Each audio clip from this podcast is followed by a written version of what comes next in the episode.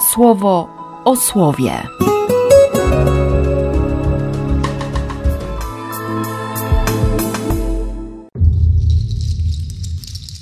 6 marca, sobota. Z księgi Micheasza. Paś swój lud, używając laski, paś owce Twojego dziedzictwa, paś tych, którzy mają mieszkać w swoich namiotach wśród drzew na Karmelu. Niech się też pasą w krainach Baszan i Gilead, tak jak było za dawnych dni. Zobaczycie, jak za dni Twojego wyjścia z Egiptu niezwykłe dziwy. Który Bóg jest taki jak Ty, który usuwasz nieprawość, wznosisz się ponad bezbożne czyny tych, którzy ocaleli z Twojego dziedzictwa – nie przechowujesz swojego gniewu, by był świadkiem. Ty przecież wolisz okazywać miłosierdzie. On nas odwiedzie od błędu i zlituje się nad nami. Nasze nieprawości zatopi, wyrzucone zostaną w głębiny morza, i to wszystkie nasze grzechy. Okażesz swą troskliwość Jakubowi, miłosierdzie Abrahamowi zgodnie z tym, co w pradawnych dniach przysiągłeś naszym przodkom. Z Ewangelii według świętego Łukasza. Przychodzili do niego wszyscy poborcy opłat i grzesznicy, aby go słuchać. Szemrali na to faryzeusze i uczeni w piśmie, mówiąc: On przyjmuje grzeszników i jada z nimi. Wtedy opowiedział im taką przypowieść. Pewien człowiek miał dwóch synów. Młodszy z nich powiedział ojcu: Ojcze, daj mi przypadającą na mnie część majątku. Podzielił więc mienie między nich.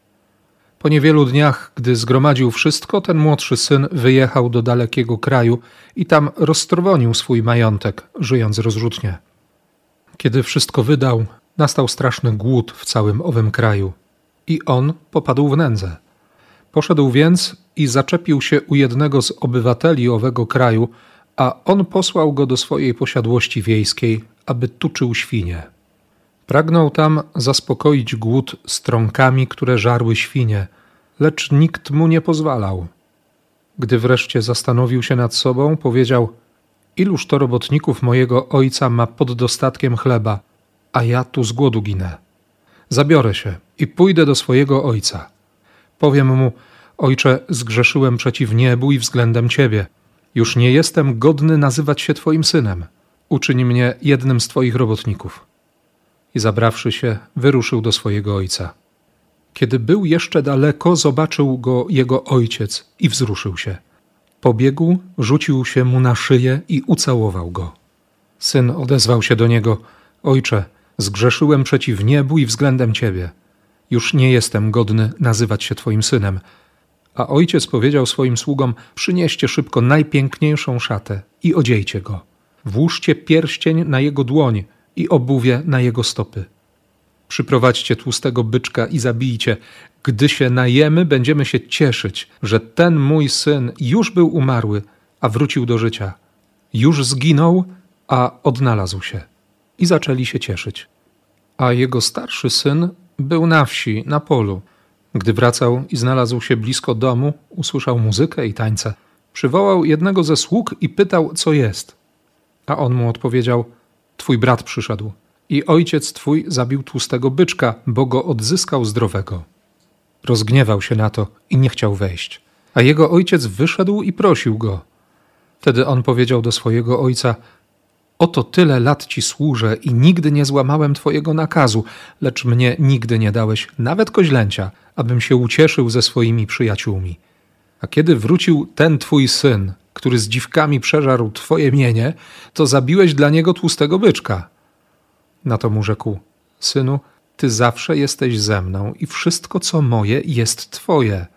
Trzeba było ucieszyć się i radować, że ten twój brat był umarły, a wrócił do życia, zginął, a odnalazł się.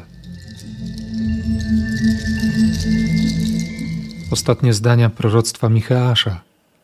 Całe proroctwo jak w tamtym czasie, bardzo trudne, ale ciągle gdzieś pod spodem jest nadzieja. Szczególnie ten początek piątego rozdziału, który przygotowuje nas w adwencie do wydarzenia Bożego Narodzenia. Ty, Betlejem, domu Efrata, jesteś zbyt mały, aby się liczyć wśród tysięcy Judy. Z ciebie jednak wyjdzie mi ten, który będzie władcą w Izraelu. I potem ta jedność z narodem, który odszedł, który się odwrócił. Biada mi, tak się zaczyna siódmy rozdział, bo jestem jak ten, kto w żniwa zebrał tylko puste kłosy lub same odpadki przy winobraniu. Nie ma już wśród ludzi nikogo, kto by szedł prostą drogą. Wszyscy walczą o swoje aż do krwi. Każdy wyciska z bliźniego wszystko, co się da. Zaprawiają swoje ręce do tego, co złe. Ja zatem wypatrywać będę Pana. Będę czekał na Boga, mojego wybawiciela. Mój Bóg wysłucha mnie. Nie ciesz się, moja nieprzyjaciółko, z mojego upadku. Powstanę. Choćbym bowiem siedział w ciemnicy, Pan przyniesie mi światło. Ponieważ zgrzeszyłem przeciw Panu, będę cierpliwie znosił Jego gniew, aż przyzna swą sprawiedliwość mojej sprawie. On mnie osądzi i wyprowadzi na światło. Doświadczę na sobie Jego sprawiedliwości. Który Bóg jest taki jak Ty? Odpowiedź wydaje się być absolutnie oczywista. Tyle, że moja historia i Twoja pewnie też ciągle pokazuje, że dajemy się złapać w te same sieci nieufności, w jakąś matnię samorealizacji, samostanowienia, to takie teraz modne, no i samozbawienia jako konsekwencji. A to przecież owocuje kolejnym upadkiem w nieprawość, w bezbożność, no bo, no bo sam sobie wszystko załatwię, ogarnę, to nie potrzebuję Boga. I chociaż w głowie i w sercu jest zupełnie inne pragnienie, to codzienność bywa bardzo bolesnym weryfikatorem. Niby wiem, ale i naprawdę błogosławię dzisiaj Boga za to właśnie, że, że daje kolejną szansę. Że owszem, On pozwala na to rozdarcie serca, na ten kryzys, na to, żeby gdzieś wewnątrz mnie pojawiła się taka tęsknota, która nie pozwoli załamać rąk. Nawet jeśli widzę jakąś bezradność czy beznadzieję, to nie ma opcji na apatię. Przeciwnie, właśnie to wypatrywanie, to czekanie z taką niecierpliwością, jaka jest charakterystyczna dla miłości. Bo przecież On woli okazywać miłosierdzie. On się zlituje. I tu nie ma wyjątków. Dlatego dziś mnie to słowo motywuje, żeby po raz kolejny wyciągnąć ręce do Boga i, i po prostu prosić. Prosić o nowe serce, o nowego ducha, o nowy mózg też, no żeby mieć nowy sposób myślenia. A skoro On okaże swą troskliwość i miłosierdzie zgodnie z tym, co przysiągł, to chcę Go dziś trzymać za słowo. I Tobie też to polecam. Tym bardziej, że dzisiaj Kościół daje tę trzecią z trzech przypowieści o miłosierdziu z 15 rozdziału Łukasza. W ogóle ten wstęp jest cudowny. Przychodzili do niego wszyscy poborcy opłat i grzesznicy, aby go słuchać, aby chwytać słowo. Przychodzą do Jezusa, to znaczy oni przychodzą do domu Szymona i Andrzeja. Tak swoją drogą zastanawiam się, czy teściowa Piotra nie miała już serdecznie dosyć tych wszystkich gości. I to jeszcze takiego towarzystwa. Takie towarzystwo Jezusowe. I oczywiście szemranie. On przyjmuje grzeszników i jada z nimi a potem idzie do nas, nie? tak trochę w domyśle. Nie robi różnicy. Siada do posiłku i z nami, i z nimi. Jak tak można? Z jednej strony przeraża mnie i poraża to, że do tej pory w kościele mamy takie myślenie. Nie wypada, abym jako prezbiter siadał do stołu gdzieś tam, gdzieś tam, albo w jakimś towarzystwie. Biskup to już w ogóle, a z drugiej strony sam łapię się na tym, że ten sposób myślenia wcale nie jest mi obcy. I właśnie mi się bardzo głupio zrobiło. Tym bardziej, kiedy, kiedy się widzi tę ikonę Boga, która jest ukryta pod postacią ojca z przypowieści. Daj mi przypadającą na mnie część majątku. Podzielił więc mienie między nich.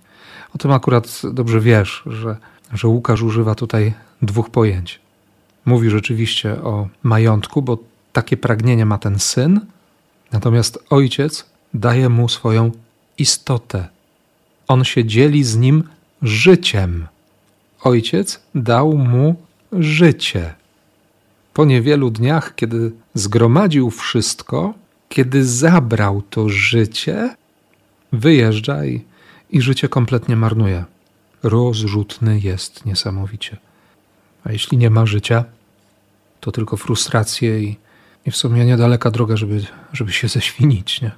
Znaczy, dla mnie to, to jest tak mocne słowo dzisiaj, takie lustro i taki rachunek sumienia, że aż trudno o tym mówić. Najprościej rzecz ujmując, kiedy, kiedy tracę życie Boże, zaczynam być podobny do tego stworzenia, o którym święty Piotr pisze, że wraca do, do swojej kałuży błota. Schemat ogólny ciągle taki sam. Szczegóły, detale tylko się zmieniają. Pragnął tam zaspokoić głód strąkami, które żarły świnie, lecz nikt mu nie pozwalał, no bo tam nie ma życia. I to, co się dzieje później. Ginę z głodu, więc zabiorę się i pójdę do swojego ojca.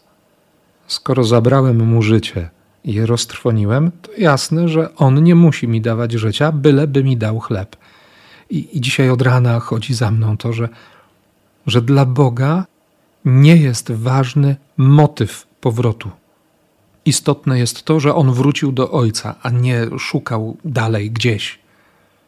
Nie liczy się motyw, bo do motywu, do intencji, do istoty trzeba dorosnąć. Trzeba pokonać długą drogę. I czegokolwiek bym w głowie wtedy nie miał, cokolwiek by się nie, nie pojawiło i jakiekolwiek byłyby lub nie byłyby motywacje powrotów i spowiedzi, to, to ojciec za każdym razem się wzrusza. Wszystko mu się wywraca do góry nogami. Nie z obrzydzenia, tylko z miłości. Pobiegł, rzucił mu się na szyję i, go ucałował. Najpiękniejsza szata, pierścień na dłoń, sandały czy obuwie na stopy. Co więcej, gdy się najemy tym tłustym byczkiem, to będziemy się cieszyć. I tutaj Łukasz też używa tej strony biernej. Mój syn już był umarły, a został przywrócony do życia. Zginął albo zaginął, a został odnaleziony. Tak łaska ściga. Twoja wierność i Twoja łaska będą mnie ścigać do końca moich dni. Bogu dzięki. No ale jest jeszcze ten drugi. I tutaj chciałoby się uciec. Znaczy, ja chciałbym uciec. Starszy syn jest w języku greckim nazwany, no tak jak powinien być nazwany. To prezbiter, starszy. Rozgniewał się, nie chciał wejść. No mnie to słowo powala kompletnie. Prezbiter nie chciał wejść do tego domu, gdzie, gdzie była radość z powrotu młodszego brata. Tego niedojrzałego, tego, który zmarnował życie. Zmarnował życie ojcu jeszcze. Tyle lat ci służę. Nie złamałem Twojego nakazu. Wszystko było w porządku. Całe prawo. No ja tego sobie powiedzieć nie mogę. I może całe szczęście. Mam cały czas w głowie to, co powiedział mi Przemek jakieś 25, 6 może lat temu. Ciesz się, że masz się z czego spowiadać i że widzisz swoje grzechy, bo dzięki temu będziesz miał szansę, żeby nie poniżać ludzi w konfesjonale bo będziesz widział, że są do ciebie podobni, a siebie przecież nie potępiasz. Kiedy wrócił ten twój syn, który z dziwkami przeżarł twoje mienie, to zabiłeś dla niego tłustego byczka. I ta odpowiedź: Ty zawsze jesteś ze mną i wszystko, co moje, jest twoje. Trzeba było ucieszyć się i radować. Bóg w ogóle nie widzi innej opcji.